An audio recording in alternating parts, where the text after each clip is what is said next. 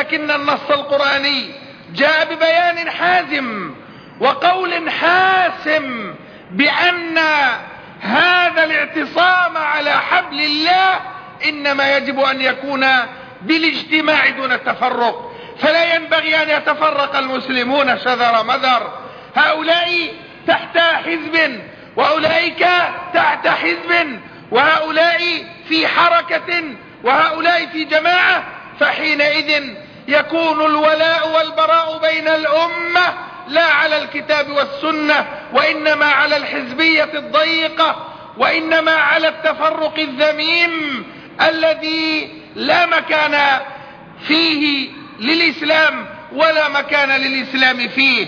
ثم ختم الله تعالى هذا الجزء من الآية الكريمة بالتأكيد والتثبيت والترسيخ لهذا المعنى فقال ولا تفرقوا فإن من قد لا يفهم من قوله تعالى واعتصموا بحبل الله جميعا لا يفهم أن هذا نهي عن التفرق جاء النص بمزيد من البيان وبمزيد من التبيان ليقول ولا تفرقوا.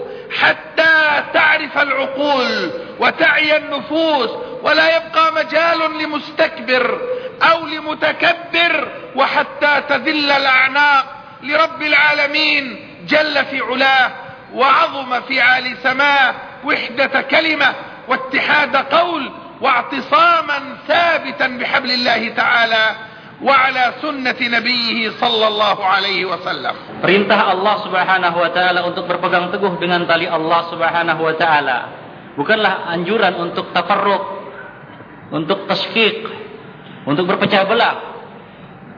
Akan tetapi Allah Subhanahu wa taala menjelaskan setelah itu wa'tasimu bihablillahi jami'an jami'an ay mujtami'ina 'alal kitabi was sunnah yaitu kita ber, berpegang teguh bersatu di atas Alkitab wa Sunnah. Bukan berpecah belah.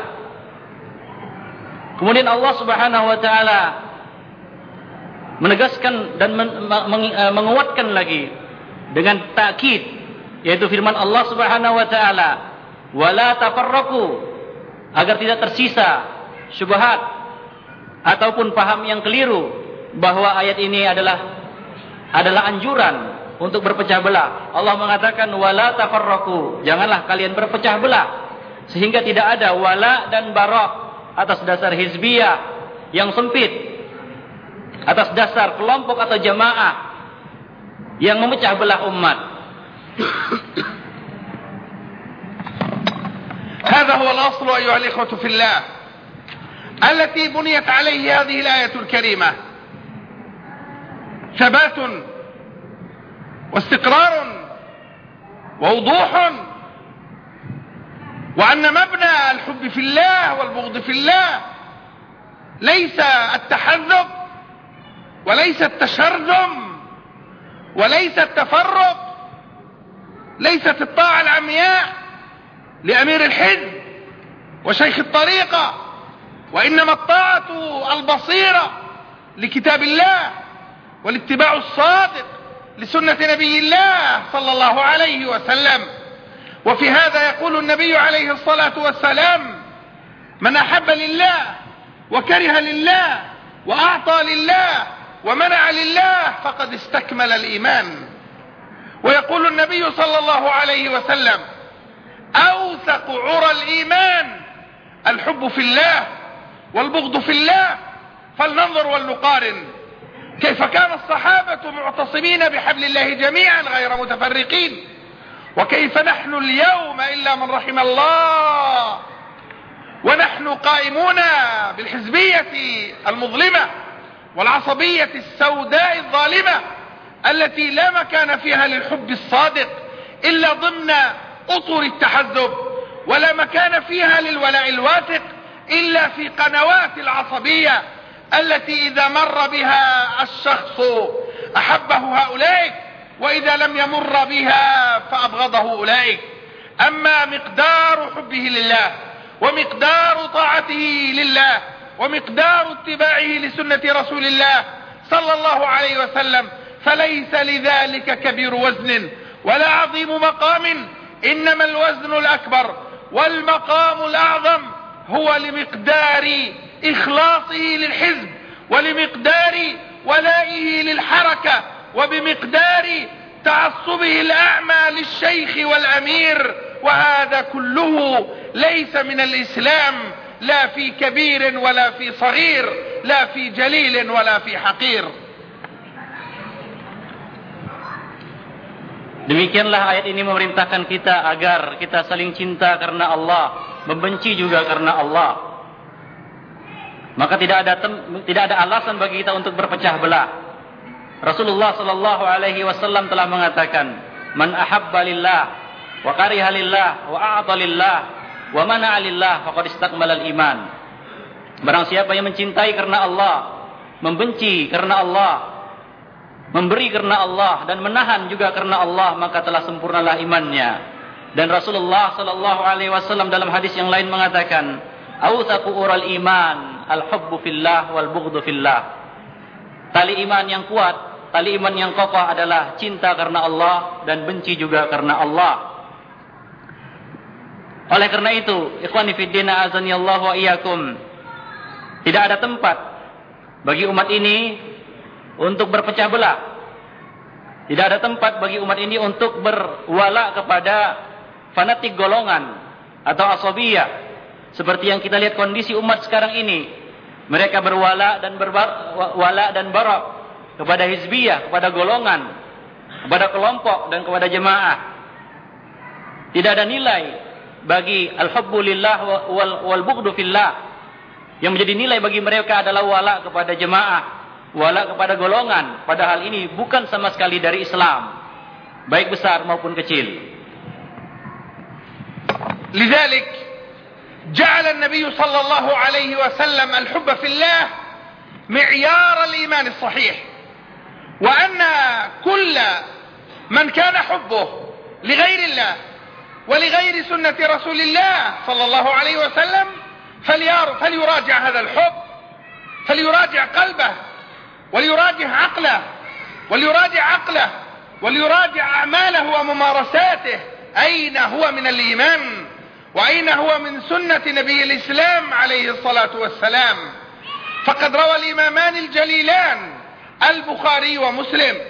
عن أنس بن مالك رضي الله تعالى عنه أنه قال ثلاث من كن فيه وجد بهن حلاوة الإيمان فذكر منها أن يحب المرء لا يحبه إلا لله لا يحبه إلا لله لا يحبه لحزب لحزبية ولا يحبه لعصبية ولا يحبه لإقليمية ولا يحبه لوطنية ولا يحبه لمذهبية وإنما يحبه لله وفي الله وعلى سنة رسول الله صلى الله عليه وسلم Oleh karena itu eh, Rasulullah sallallahu alaihi wasallam menjadikan hubbu fillah, cinta karena Allah Subhanahu wa taala sebagai mi'yar, sebagai standar iman yang benar. Oleh karena itu marilah kita sama-sama periksa keimanan kita dan kadar hubbu fillah yang ada di dalam hati kita.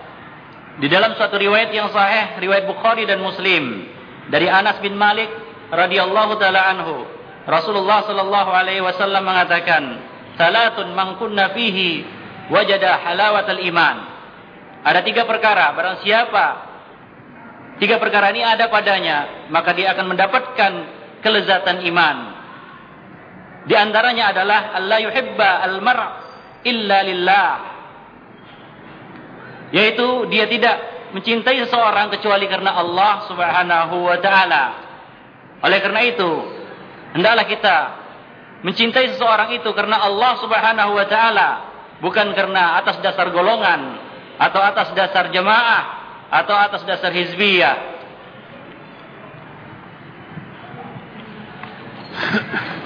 وفي الصحيحين أيضا أن أحد الصحابة ضرب آخر وكان أحدهما مهاجرا والآخر أنصاريا. فتعصب هؤلاء على أولئك فقام المهاجرون يقولون يا للمهاجرين. وقام الأنصار يقولون يا للأنصار. فافترقوا قسمين فلنتأمل ماذا قال النبي عليه الصلاة والسلام. وكيف عالج هذه المشكلة التي قد تكون أول بذرة خلاف وأول مشكلة افتراق في جيل القدوة الأول جيل الصحابة رضي الله عنهم. مع أن التعصب للمهاجرين تعصب ديني فالمهاجرون لم ينالوا شرفهم إلا بهجرتهم مع النبي صلى الله عليه وسلم. والأنصار لما تعصبوا للأنصار إنما تعصبهم إن جاز التعبير أيضا ديني. فلم ينل الأنصار شرفهم وعزهم إلا بنصرتهم للنبي صلى الله عليه وسلم. ومع ذلك لم يقبل هذا الافتراق رسولنا الأكرم عليه الصلاة والسلام. فقال ينكر على هذا الافتراق وينكر هذا الحال من الشقاق. أدعوى الجاهلية وأنا بين أظهركم دعوها فإنها منتنة فسمى هذا الافتراق على نسبة دينية لكنها سببت فرقة في الأمة سماه دعوى الجاهلية.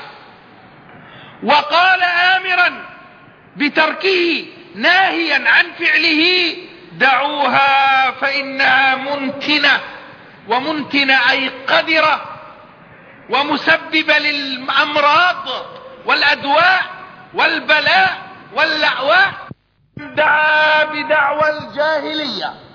قال دعوى الجاهلية وأنا بين ظهوركم في الحديث الأول. في الحديث الثاني يقول فإنه من دعا بدعوى الجاهلية فإنه من جثاء جهنم.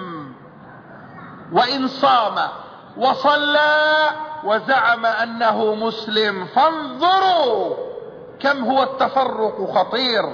انظروا كم هو الافتراق مرير. انظروا كم مخالفة الاعتصام سيئة وظالمة ومظلمة وموقعة لأصحابها في البلاء نسأل الله أن يعافينا وإياكم Demikian pula dalam satu kisah salah seorang sahabat yang tanpa sengaja memukul sahabat yang lainnya. Maka sahabat dari kalangan muhajirin berteriak, Ya lal muhajirin. dan sahabat dari kalangan ansar juga berteriak memanggil kaumnya, Ya lal ansar. Masing-masing mencari dukungan kepada kaumnya. Maka Rasulullah sallallahu alaihi wasallam melarang mereka padahal fanatik kepada muhajirin adalah perkara yang dibenarkan agama karena gelar muhajirin mereka peroleh karena mereka berhijrah dari Makkah ke Madinah jadi fanatik kepada muhajirin adalah perkara yang dibenarkan agama demikian juga fanatik kepada ansar adalah perkara yang dibenarkan agama karena mereka disebut ansar mereka menerima Rasulullah, membela Rasulullah sallallahu alaihi wasallam dan menyiapkan tempat bagi Rasulullah sallallahu alaihi wasallam di tanah air mereka. Akan tetapi Rasulullah mengingkari perbuatan mereka itu karena ini akan menjadi bisa menjadi sebab munculnya benih perselisihan, perpecahan pada generasi yang sangat mulia ini, yaitu generasi sahabat. Rasulullah mengingkari mereka. Seraya mengatakan, "Ad-da'wal jahiliyah wa ana baina adhhurikum." Apakah kalian menyerukan, mendakwakan propaganda jahiliyah, seruan jahiliyah, slogan jahiliyah, sementara aku aku masih berada di hadapan kalian? Da'uha fa innaha muntina.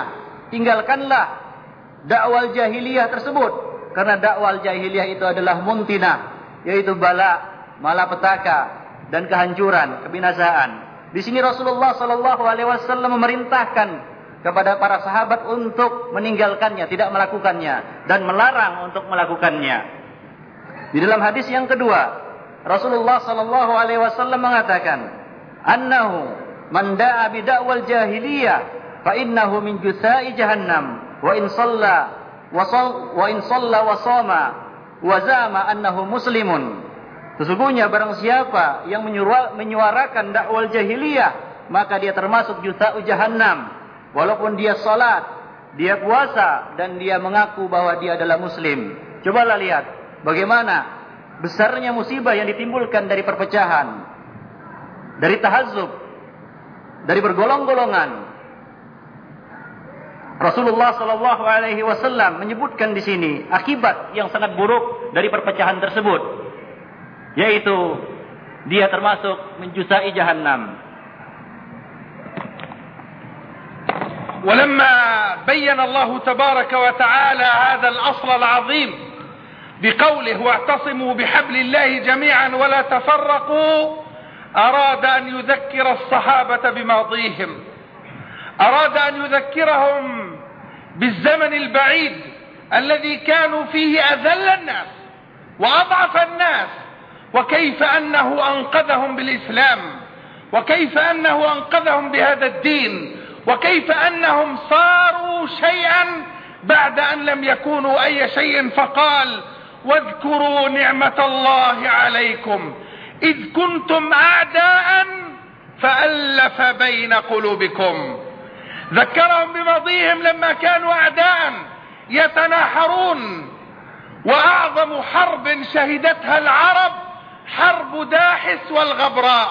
وداحس والغبراء حرب كبيرة قامت على أشياء تافهة. لا قيمة لها لا قدر لها لا وزن لها لا حقيقة لها. لم تقم على شرف لم تقل على عرض. لم تقم على نخوة لم تقم على عزة لم تقم على بطولة إنما قامت على أشياء تافهة وحصدت من رؤوس العرب من قبائل العرب آلافا مؤلفة. هكذا كان العرب قبل الإسلام هكذا كان الناس قبل الدين. واذكروا نعمة الله عليكم إذ كنتم أعداء تتقاتلون. وتتناحرون وتتذابحون وتتفرقون وتتحزبون وتتشتتون فألف بينكم ألف بينكم بماذا؟ ألف بينكم بوحدة الرب جل وعلا وأن الله تعالى لا معبود بحق إلا هو. قل إن صلاتي ونسكي ومحياي ومماتي لله رب العالمين. لا شريك له وبذلك أمرت وأنا أول المسلمين. وبوحدة القبلة وبوحدة الرسالة وبوحدة الكتاب بعد أن كانوا متفرقين في كل شيء صاروا متحدين وموحدين في كل شيء. وأكرم بها من نعمة وأعظم بها من منة وما بكم من نعمة فمن الله وإن تعدوا نعمة الله لا تحصوها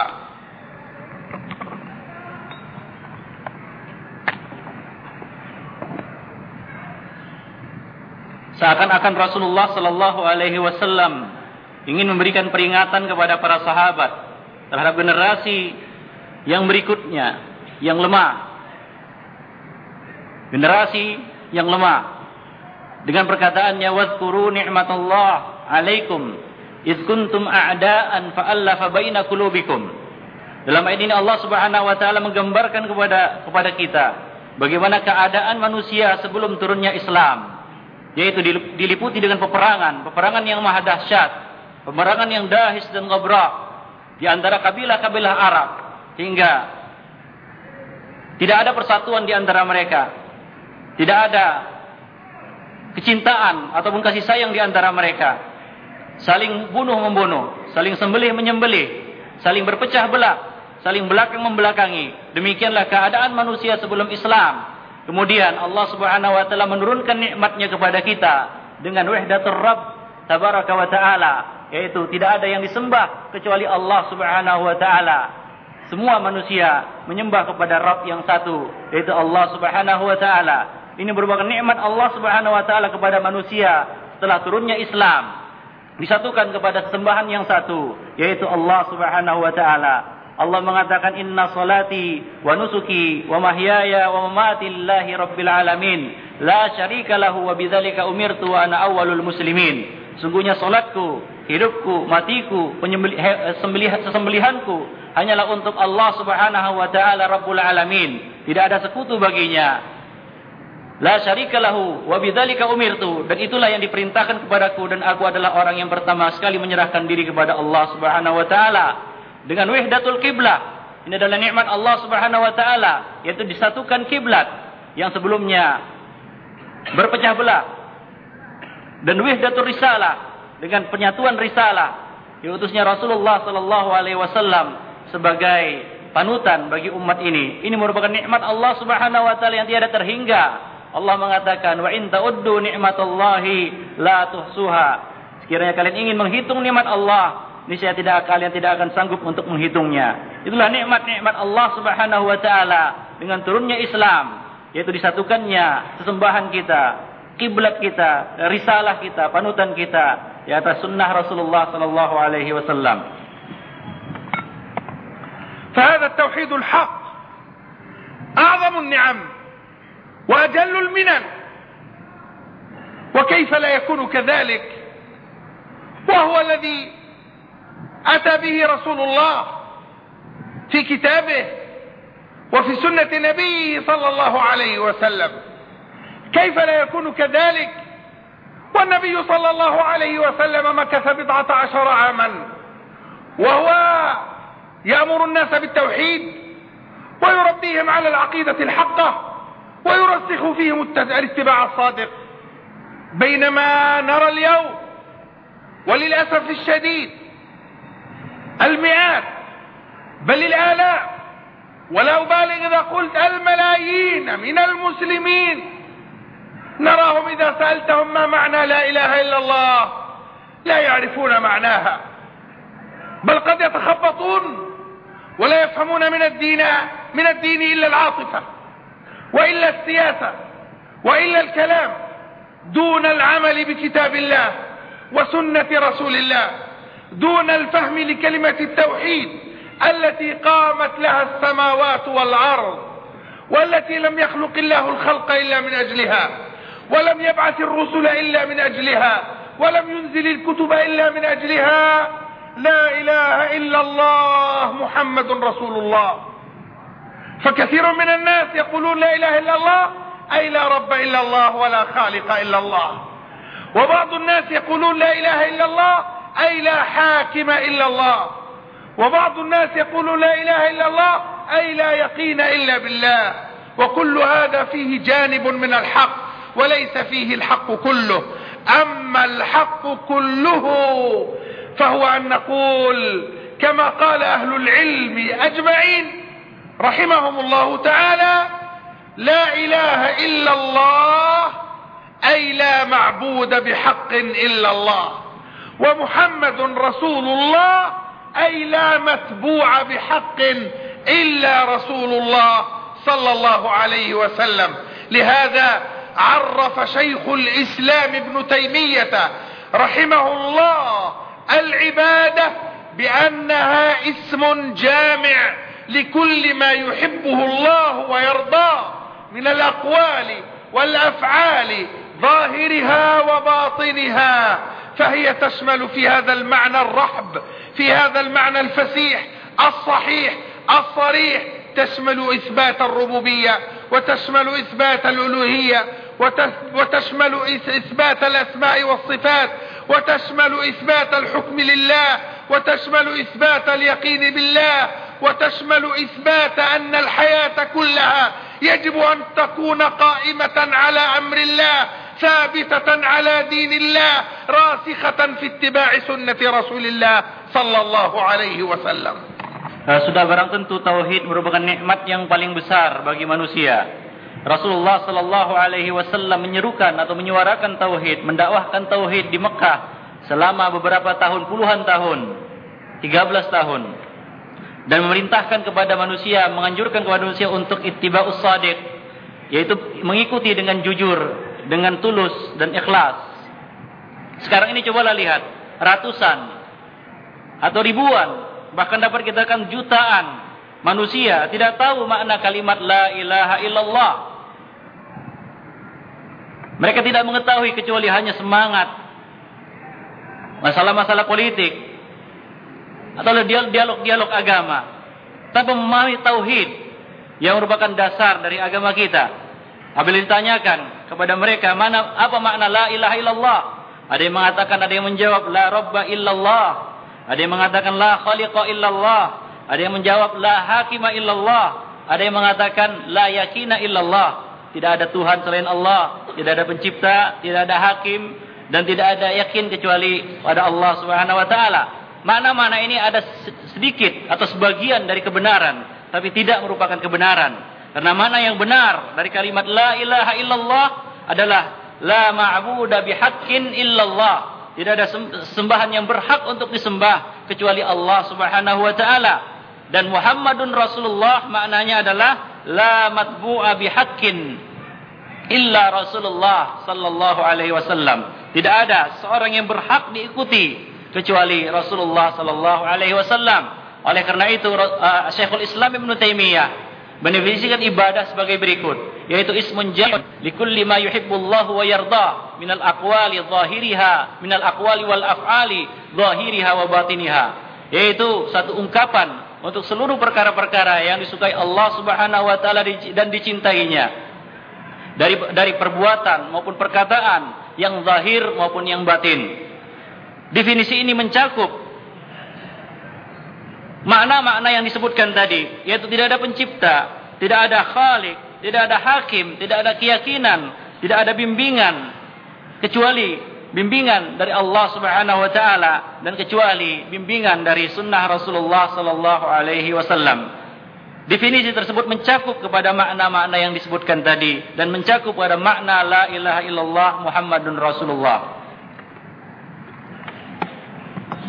وبعد أو فبعد أن بين الله تعالى الأمر بالاعتصام ليكون أصلا وفصلا وبعد أن ذكر بالماضي الذي كانوا فيه أعداء نبههم على الحاضر الذي صاروا فيه إخوانا فصاروا متحبين بعد أن كانوا متعادين وصاروا مؤتلفين بعد أن كانوا متخاصمين وصاروا متحدين بعد أن كانوا مختلفين.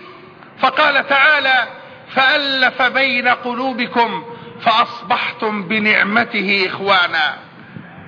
ذكر الأصل ثم ذكر بالماضي ثم بشر بالحاضر ثم حذر من الرجوع وخوف من الحور بعد الكور ونبه على ضرر المخالفة فقال وكنتم على شفا حفرة من النار فأنقذكم منها.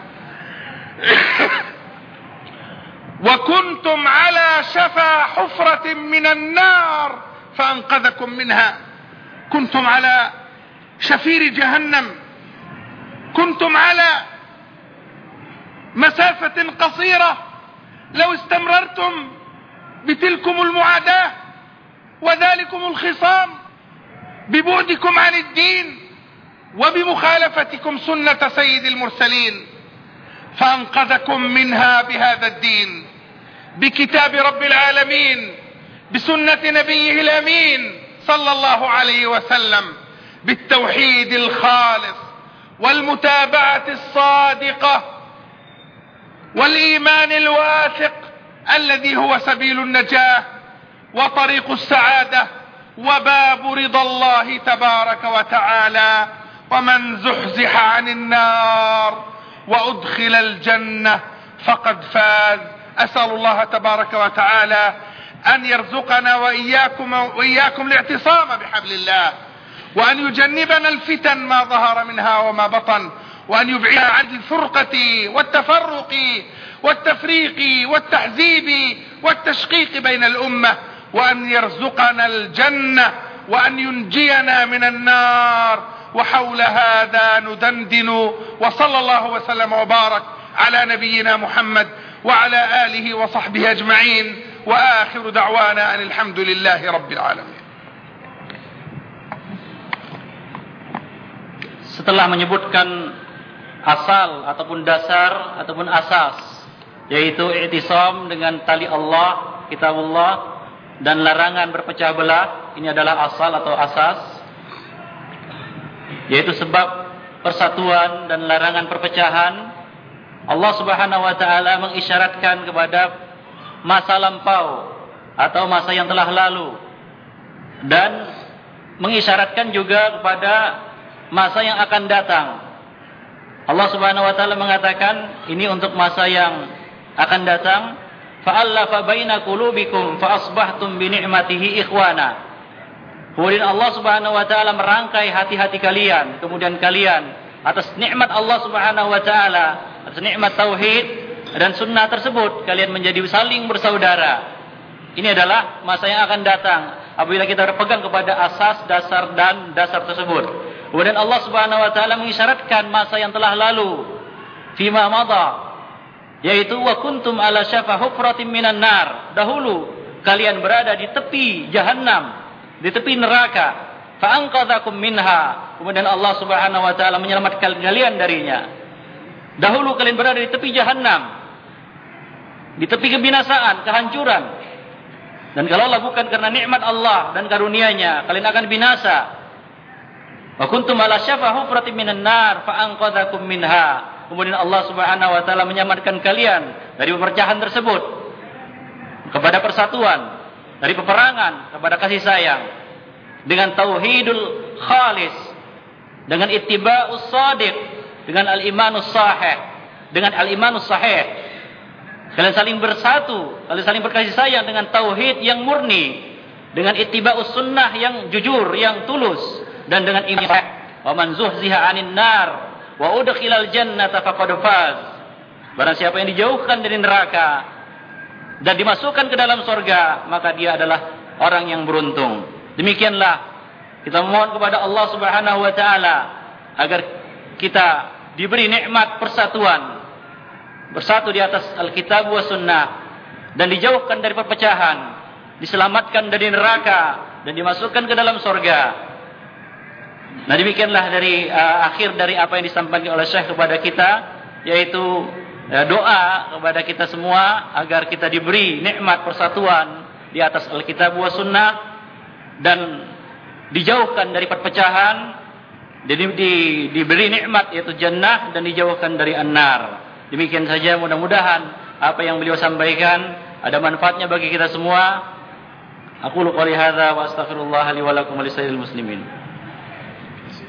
Nah, ini ada pertanyaan, ya Syekh, apakah ada pembagian tauhid hakimiyah atau mulkiyah apakah pembagian ini sesuai dengan apa yang sudah ditetapkan oleh ahlul ahlu sunnah wal jamaah atau apakah pembagian ini adalah bid'ah التقسيمات العلمية للأشياء نوعان إما أن تكون تقسيمات اصطلاحية أو أن تكون تقسيمات استقرائية فالتقسيمات الاصطلاحية إذا زدت فيها أو نقصت منها فهي اصطلاحية ولا مشاحة في الاصطلاح.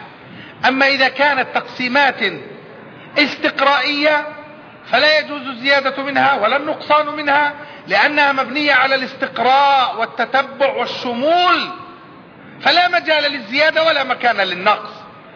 وتقسيم التوحيد إنما هو تقسيم استقرائي وليس تقسيما اصطلاحيا البتة. فعندما زاد من زاد من المعاصرين على أقسام التوحيد الثلاثة توحيد الألوهية وتوحيد الربوبية وتوحيد الأسماء والصفات عندما زاد عليها توحيد الحاكمية أو توحيد الملك فإنه لم يصب. لأن توحيد الحاكمية متضمن لتوحيد الألوهية وتوحيد الربوبية معا. فالله تعالى يقول إن الحكم إلا لله أمر الا تعبدوا إلا إياه. فبين أن الحكم متعلق بتوحيد الألوهية. وعندما ذكر النصارى قال اتخذوا أحبارهم ورهبانهم أربابا من دون الله. وفي حديث عدي بن حاتم قال يا رسول الله لم نعبدهم. قال ألم يحلوا لكم الحرام؟ ويحرم عليكم الحلال؟ قال بلى. قال فتلك عبادتكم إياهم. فسماهم اتخذوهم أربابا. وفي الآية ذكر العبادة. فتوحيد الحاكمية متضمن في توحيد الألوهية وتوحيد الربوبية وليس زائدا عليهما بل هو جزء منهما. فذكره وتخصيصه بجزء خاص عمل محدث لم يقل به أحد من أهل العلم. والصواب ان اقسام التوحيد الاستقرائية ثلاثة لا غير والله اعلم Pembagian-pembagian di dalam agama, di dalam ilmu agama ada dua jenis. Ada taksim istilahiyah, ada taksim istiqrariyah. Taksim pembagian-pembagian yang sifatnya istilahiyah ini bisa ditambah, bisa berkurang. Adapun taksim pembagian istiqra'iyah ini tidak yaitu pembagian yang didasarkan atas penelitian ini tidak bisa ditambah dan tidak bisa dikurangi. Tidak bisa ditambah dan tidak bisa dikurangi. Dan tauhid termasuk pada pembagian-pembagian dalam tauhid termasuk pembagian istiqrariyah. Taksim istiqrariyah yang tidak bisa ditambah dan tidak bisa dikurang karena dasarnya adalah penelitian. Yaitu ada tiga, tauhid ar-rububiyah, tauhid uluhiyah, dan tauhid al-asma wa sifat. Adapun pengkhususan tauhid mulkiyah dan tauhid hakimiyah sebagai pembagian yang baru dari jenis-jenis tiga, tiga jenis tauhid yang lalu ini adalah muhdas. Ini adalah bid'ah. Karena kedua jenis tauhid ini masuk kepada tauhid rububiyah dan tauhid uluhiyah. Dasarnya adalah firman Allah Subhanahu wa taala inil hukmu illa lillah wa amaru alla ta'budu illa iyyah inil hukmu illa lillah sungguhnya hukum itu adalah bagi Allah dan wa amara alla ta'budu illa iya dan Allah memerintahkan agar kamu tidak menyembah kecuali kepadanya. Ini menunjukkan bahwa tauhid hukmiyah masuk kepada tauhid uluhiyah dan rububiyah. Demikian juga uh, firman Allah Subhanahu wa taala, "Ittakhadhu ahbarahum wa ruhbanahum arbaban min dunillah." Mereka Yahudi dan Nasrani menjadikan rahib-rahib mereka, pendeta-pendeta mereka sebagai tuhan selain Allah. Seorang sahabi bertanya Rasulullah, "Ya Rasulullah, ma na'buduhum?" Ya Rasulullah, kami tidak menyembah mereka. Kemudian Rasulullah wasallam menjelaskan bentuk penyembahannya, yaitu mengikuti ya rahib dan pendeta mereka di dalam penghalalan dan pengharaman apa-apa yang dihalalkan dan diharamkan Allah Subhanahu wa taala. Jadi kedua, dalil tersebut menunjukkan bahwa tauhid mulkiyah dan tauhid uh, hakimiyah ini masuk kepada tauhid uluhiyah dan rububiyah. Jadi uh, pengkhususan tauhid rubu, uh, mulkiyah dan tauhid uh, hakimiyah adalah pembagian adalah satu bid'ah yang tidak dikenal di dalam istilah ulama ulama ahlus sunnah wal jamaah. Uh, ada yang bertanya, Ustaz, apa tariqah jalan yang harus kita ikuti saat ini? أجيب جوابا مختصرا جدا على هذا السؤال. فأقول الطريقة الواجب اتباعها والتي لا يجوز التخلف عنها ولا البعد منها مبنية على قول الله تعالى واعتصموا بحبل الله جميعا ولا تفرقوا. Jalan yang harus kita ikuti. Ya itu dapat kita jawab kata Syekh. Pada firman Allah Subhanahu wa taala wa'tasimu bihablillahi jami'an wa la tafarraqu Berpegang teguhlah kalian dengan tali Allah, yaitu sudah dijelaskan oleh Syekh tadi, yaitu kitabullah, ya sunnah Rasulullah sallallahu alaihi wasallam, dinullah yang khalis, wala tafarraqu dan janganlah kalian berpecah belah. Itulah dia jalan yang harus kita tempuh sekarang ini, yang harus kita ikuti dan harus harus kita uh, lalui saat ini. Uh, saat ini banyak sekali golongan jemaah-jemaah. Lalu apa sikap yang harus kita tempuh dan jemaah mana yang harus kita pilih? الجواب هو نفس الجواب السابق لكن أضيف عليه أمرا مهما النبي عليه الصلاة والسلام لما قال وستفترق أمتي على ثلاث وسبعين فرقة كلها في النار إلا واحدة قال الصحابة من هي يا رسول الله؟